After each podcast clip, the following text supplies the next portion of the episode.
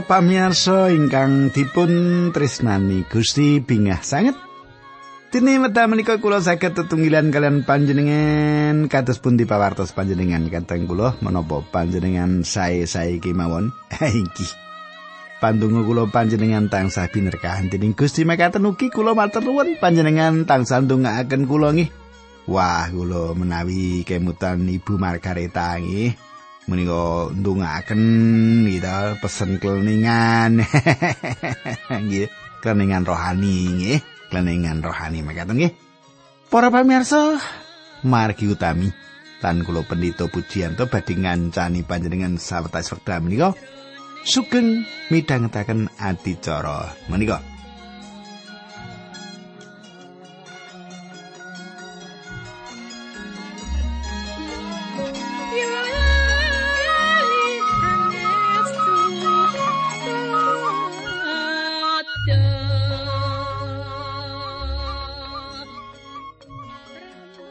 Para pamirsa, ing kepengker kita sampun sinau Nehemia 3 ayat 28 ngantos 3 dosa kali.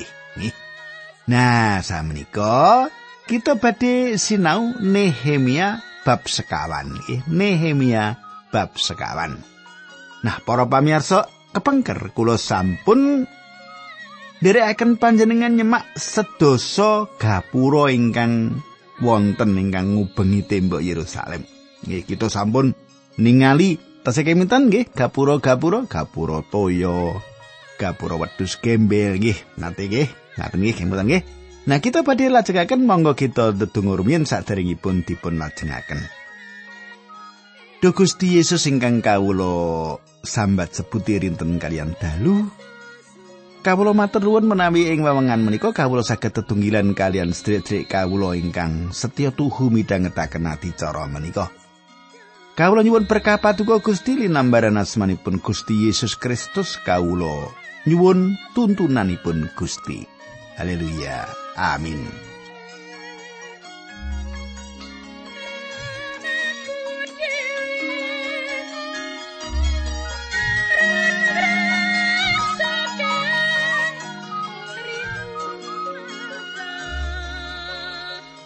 Para pamirsa, Samenika pasinon kita kados ingkang kula aturaken lumebet ing kitab Nehemia bab sekawan. Ing salebetipun pasal menika kita badhe ningali pilih tiang-tiang Yahudi menika saged mbangun tembok kita. Mengsah mengsahipun mangertos pilih gaman kang awujud memodo. Mboten saged bendung pedamelan menika. Sinaosa diwodo-wodo piye wae tetep pembangunan menika melampah terus. Kanthi makaten, mengsah-mengsahipun pados cara sanes kangge ngendhekaken pembangunan menika.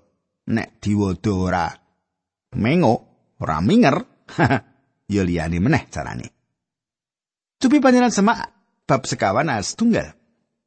Bareng san balat oleh pawarto yen aku padha bangun baluwarti banjur muntap nesumne serta banget loro atine apa dene memodo marang wong Yahudi. Para pamirsa. Memoto mboten saged ngendhekaken tiang-tiang ingkang bangun malih tembok Yerusalem menika. Pendamelan menika tambah majeng. Ayat kali. Lan celatu ana ing ngarepe para seduluri lan bolo ing Samaria, wong Yahudi kang apes iku padha ngarep apa to? Apa padha nyantosake apa to apa?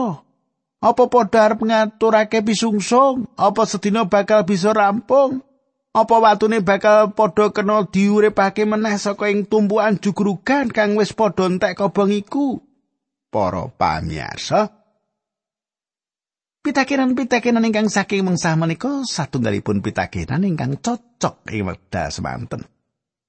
Inggih pitakenan-pitakenan menika ingkang dados pitakenan kangge bangsa Israel. Bangsa menika gadah pitakenan menapa saged ngrampungaken kewajiban menika? Bangsa menika dipun tangleti menapa saged ngrampungaken kewajiban menika?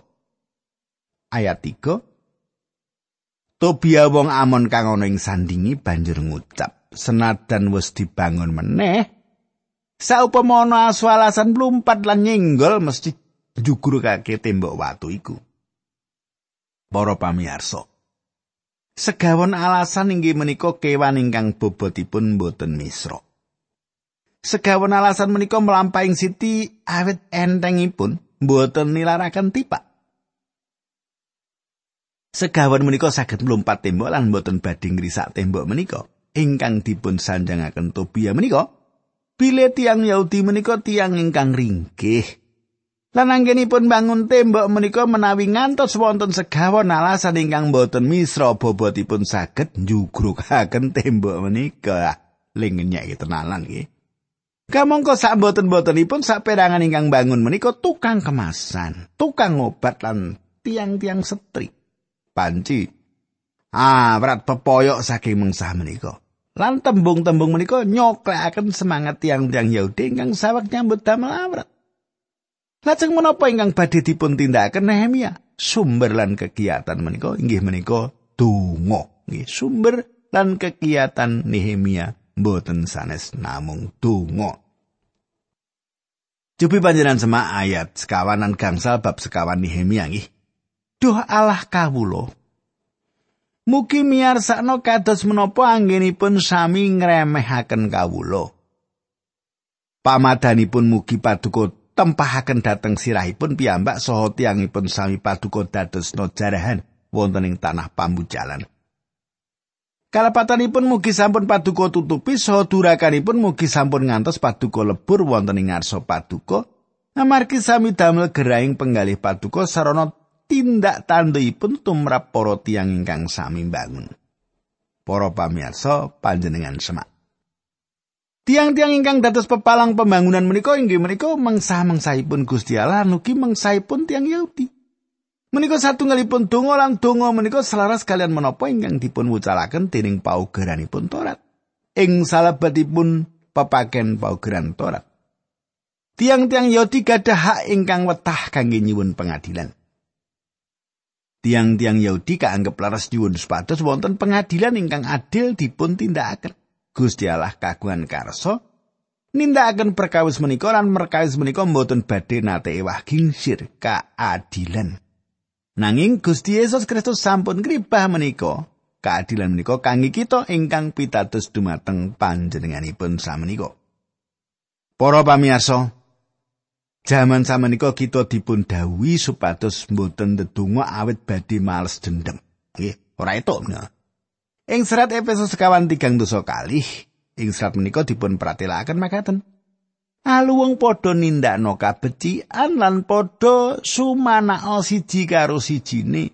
Padha apura ing ngapura kaya dene Gusti Allah ana ing Sang Kristus iya wis ngapura marang kowe kabeh. Para pamirsa ing salebetipun Rom kali welas saya songolas Paulus nerat. Para sedulur, Aja pisan-pisan nindakake pemales mergo sengit jalaran Gusti Allah piyambak sing malasake. Sebab ing kitab suci ana pangandika mengkene pemalas kuwi wewenangku aku Gusti sing bakal malasake mengkono pangandikane pangeran. Para pamirsa panjenengan gatosaken Wonten perkawis-perkawis mligi ingkang kedah dipun aturaken dumateng Gusti lan panjenenganipun badhe ngrampungaken. Menawi kita mbudidaya ngrampungaken perkawis menika, menika ateges bilih kita mboten gesang alandesan iman. Wonten perkawis-perkawis tertentu ingkang kula gagas kedah kita tindakaken. Wonten wekdalipun satunggal pemut kedah dipun tindakaken. Kita ningali Paulus kanthi blak-blakan meratelaken bilih pasaman Korintus kedah ngurusi perkawis-perkawis ingkang lepat ing salebetipun pesaman dipun menika. Paulus ngendika dumateng Timotius, Panjenengan semak kali Timotius ayat kali. Kowe nggelarno pangandika. Sumanggemo ing wektu kang becik utawa ing wektu kang ora becik meleh napa kang luput njenengenono lan mituturana kalawan sakaing kesabaran lan piwulang. Para pamirsa, tembung melehno apa kang luput menika ateges mbuktekaken kalepatan. Nrengenono ateges nyukani paukuman, mituturana liripun nglipur. Putranipun Gusti Allah kedah ngginakaken pedangipun Gusti. Inggih menika pangandikanipun Gusti Allah. Pedang menika kedah dipun babataken ing babagan-babagan ingkang bobrok lan lepat ing salebetipun gesang kita. Wonten wekdalipun kita nyukani srengen, Gusti Allah paring pitulungan jurukut khotbah ingkang boten setya ing salebetipun gegayutan menika. Kita saweg gesang wonten ing salebetipun jaman ing wekdal tiang-tiang ngangkat badanipun piyambak. Dados guru nanging tiang-tiang menika namung kepengin mirengaken tembung umuk ingkang boten wonten ginanipun. Pesamuan menika boten purun mirengaken dawuh ingkang kedah nilaraken Pak Trabobrok lan dosa ing salebetipun gesang. Panjileres pilih wonten kathah ayat saking kitab suci menika ingkang manis. Nanging wonten ayat-ayat saking kitab suci menika ingkang raosipun pahit. Kathah tiang ingkang rumaos pilih ayat ingkang pahit mboten sisah dipun pirengaken. gitu. Khotbah nek wates rasa rungokke golek gereja liya sing empompo. Dadi mlumpat rono mlumpat training. Ampun ngoten nggih dadi wong. Nah, para pamirsa. Kabawa paukuran Torat yang saged ndedonga supados keadilan nempuh mengsah-mengsaipun. Kita perlu emut bilih tiang-tiang ingkang lumawan umat kagunganipun Gusti Allah inggih menika mengsah Gusti Allah piyambak. Nanging gesangipun umat kagunganipun Gusti Allah mboten namung satunggalipun gesang pandonga kemawon, nanging ugi satunggalipun gesang lan satunggalipun peperangan. Dados menapa ingkang dipun tindakaken tiang-tiang menika? Cobi ayat 6 nggih, Nehemia sekawan ayat 6. Nanging aku padha mbanjurake anggonku padha mbangun baluwartine kaadekake nganti kemput. Dure wis oleh separo amarga wong akeh padha mempeng banget enggone nyambut gawe. Panjenengan semak para pamirsa. Nehemia mboten merduli pamodo ingkang dipun tindakaken para mangsaipun. Terus mlaku. Nehemia ndedonga dumateng Gusti Allah lan lajengaken pembangunan dados pihak mengsah ingkang memoyok saged dipun perantasi dening umat Allah umat Israel. Kita lajengaken ayat pitu. Bareng Sanbalat lan Tobia sarta wong Arab, wong Amon lan wong ing Asdod padha oleh pawarto yen pembanguning balawartining Yerusalem iku tumindak rancak lan kang bedah wiwit rapet, temah padha muntap nesune. Para pamirsa, panjenengan katosaken Ing wekdal mangsa ningali bilih pambudidayanipun kanthi memoyok lan modo mboten saged ngendhekaken pembangunan tembok kita mangsa-mangsa kala ngginakaken cara sanes mangsa-mangsa menika dados nesu. Nyuwun pangapunten para pamirsa, kula radi bindeng pilek nih. ah wis wong jenenge wong tuwa ya sing iki kita. Udan sithik wis pilek Pak kamong ora kudanan gitu. Turu rada kewengen mbok menawi.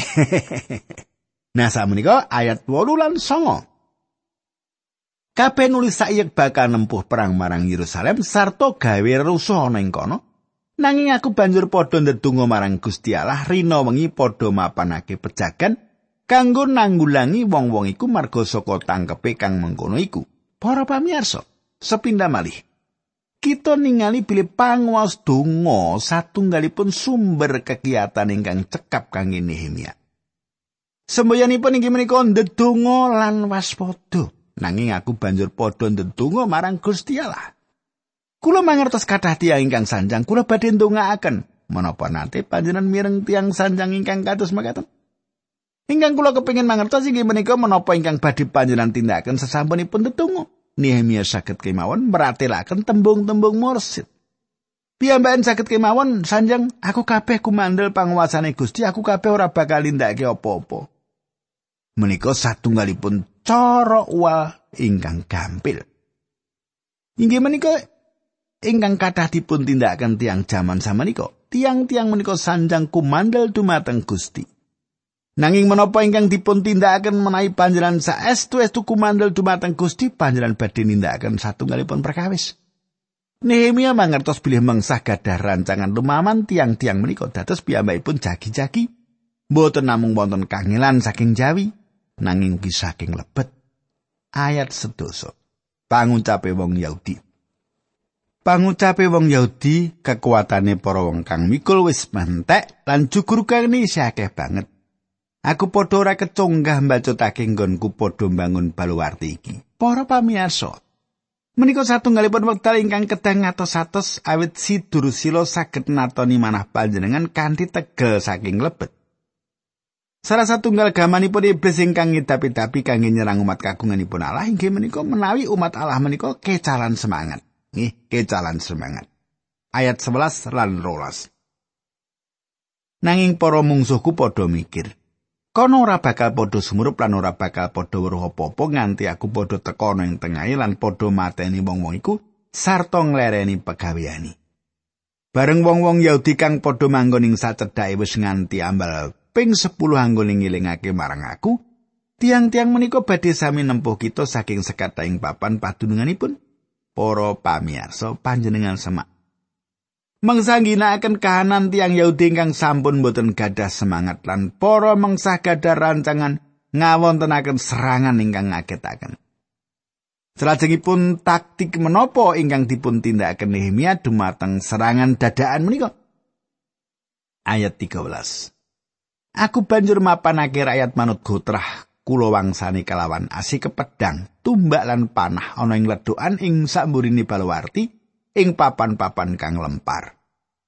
Para pamirsa Nehemia mapanaken saben tiyang ingkang saged mbelani kaum keluarganipun piyambak ingkang mesti kemawon adamel langkung sekeca ing wekdal piyambakipun sawek bangun. Kanthi keluarga wonten ing griya tebih saking piyambakipun tiyang ingkang bangun boten mangertos menapa keluarganipun wilujeng menapa boten. Dados Nehemia mapanaken tiang-tiang menika kalian keluarganipun lan nyukani gaman dumateng tiang-tiang menika jangkep. Kita lajengaken ayat 18. Sawise kabeh ndak ulatake aku tumuli ngadeg mituturi marang para pemimpin lan para panggedhi tuwin wong akeh liyane.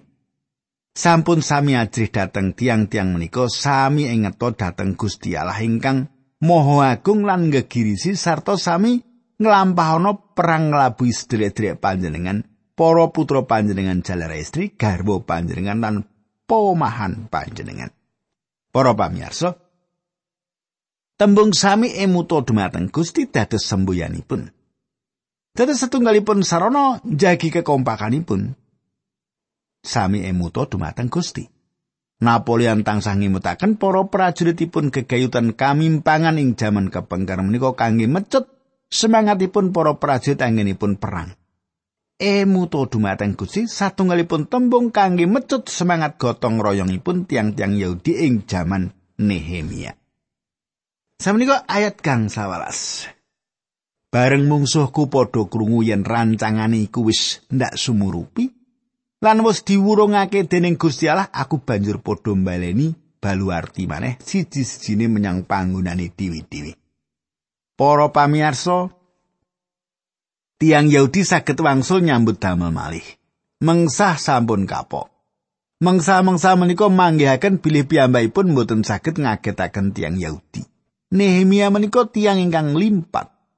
Piyambakipun tasih gadah kathah cara nanggulangi mengsah menika. Ayat 16 lan 17.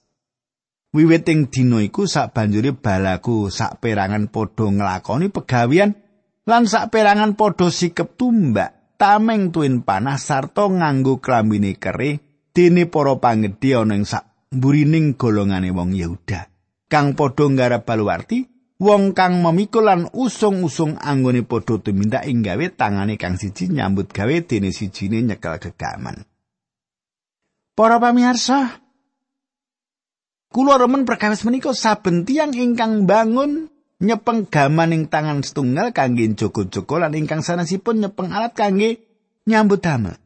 Gaman lan prabot nyambut damel menika kedahipun wonten ing tanganipun tiang pitados sing medal menika.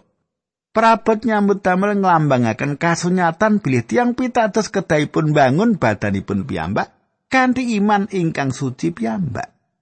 Inggih menika ingkang saking lebet.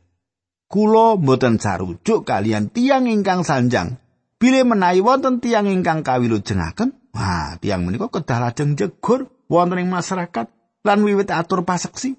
Manut kula, tiang ingkang nembe mertobat ampun riyen jegur wonten ing peladosan. Tiang menika langkung rumiyin kedah sinau saking pengalaman bilih Gusti Yesus milu jengaken lan jagi piyambakipun lan nglegakaken manahipun. Pancing remenaken ing wekdal mireng wonten tiang ingkang sampun dipun milu jengaken. nanging kersanipun tiang menika tuwuh langkung rumiyin satunggal utawi kalih taun menapa tiang menika sampun ngejakaken imanipun? Panjenengan tingali. Kita perlu bangun perabot nyambut damel kedah wonten tangan kita. Ugi kita perlu nyepengi pedang roh.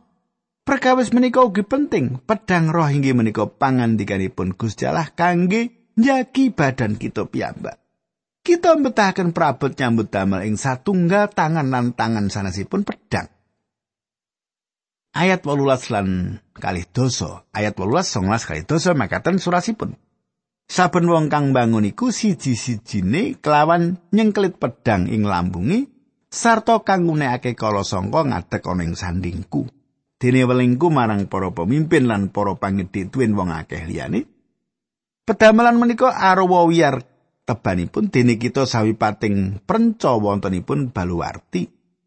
Ingkang setunggal tebih kalian setunggalipun. Menawi mireng swaraning kala sangka nuntun sami nglempao murugi kula. Gusti Allah kita ingkang badhe nyarirani perang kita. Para pamirsa panjenengan katosaken Nehemia sanjang aku bakal jogo-jogo menawa kowe kabeh krungu slompret. Teko ing papan iku lan kita siap perang lumawan mungsuh ing ngarepan kita.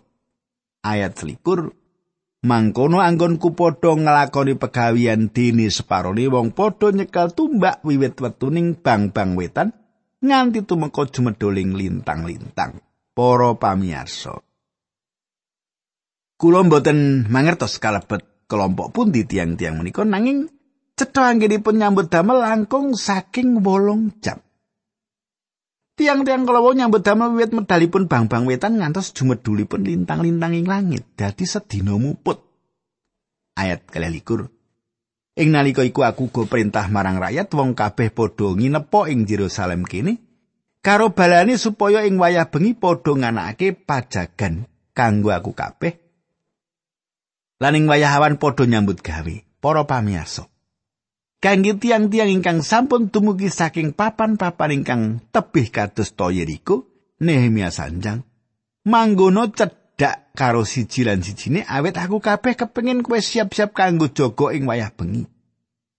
Ayat 13 mengkono kaananku dhewe sedulur-dulurku dalah balaku lan wong jaga kang padha melu aku aku kabeh ora kober salin sandangan siji-sijine nyekel gegaman ing tangane tengen. Para pamirsa panjenengan gatosaken kadang kula, tiang-tiang kala wau mboten nate salin sandangan sae dalu. Siang utawi dalu. Tiang-tiang niku tansah jagi kita kedangake merasukan jangkep kanthi praboting perang Gusti Allah. Tiang-tiang menika budidaya wonten ing ajeng kangelan ingkang satasipun badhe katingal ingkang badhe dados jalaran Nehemia dados nesu lan mah ngrisak pakaryanipun Gusti.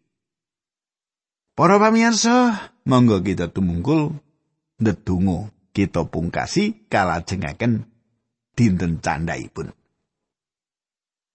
Gusti Allah Sang Rama ingkang ngadhet dampar kraton ing kasuwargan.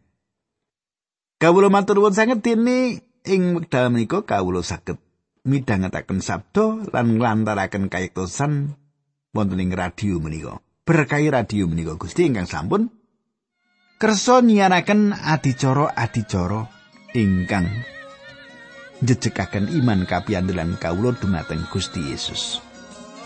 Dinambaran asmanipun Gusti Yesus nyuwun berkah paduka. Haleluya. Amin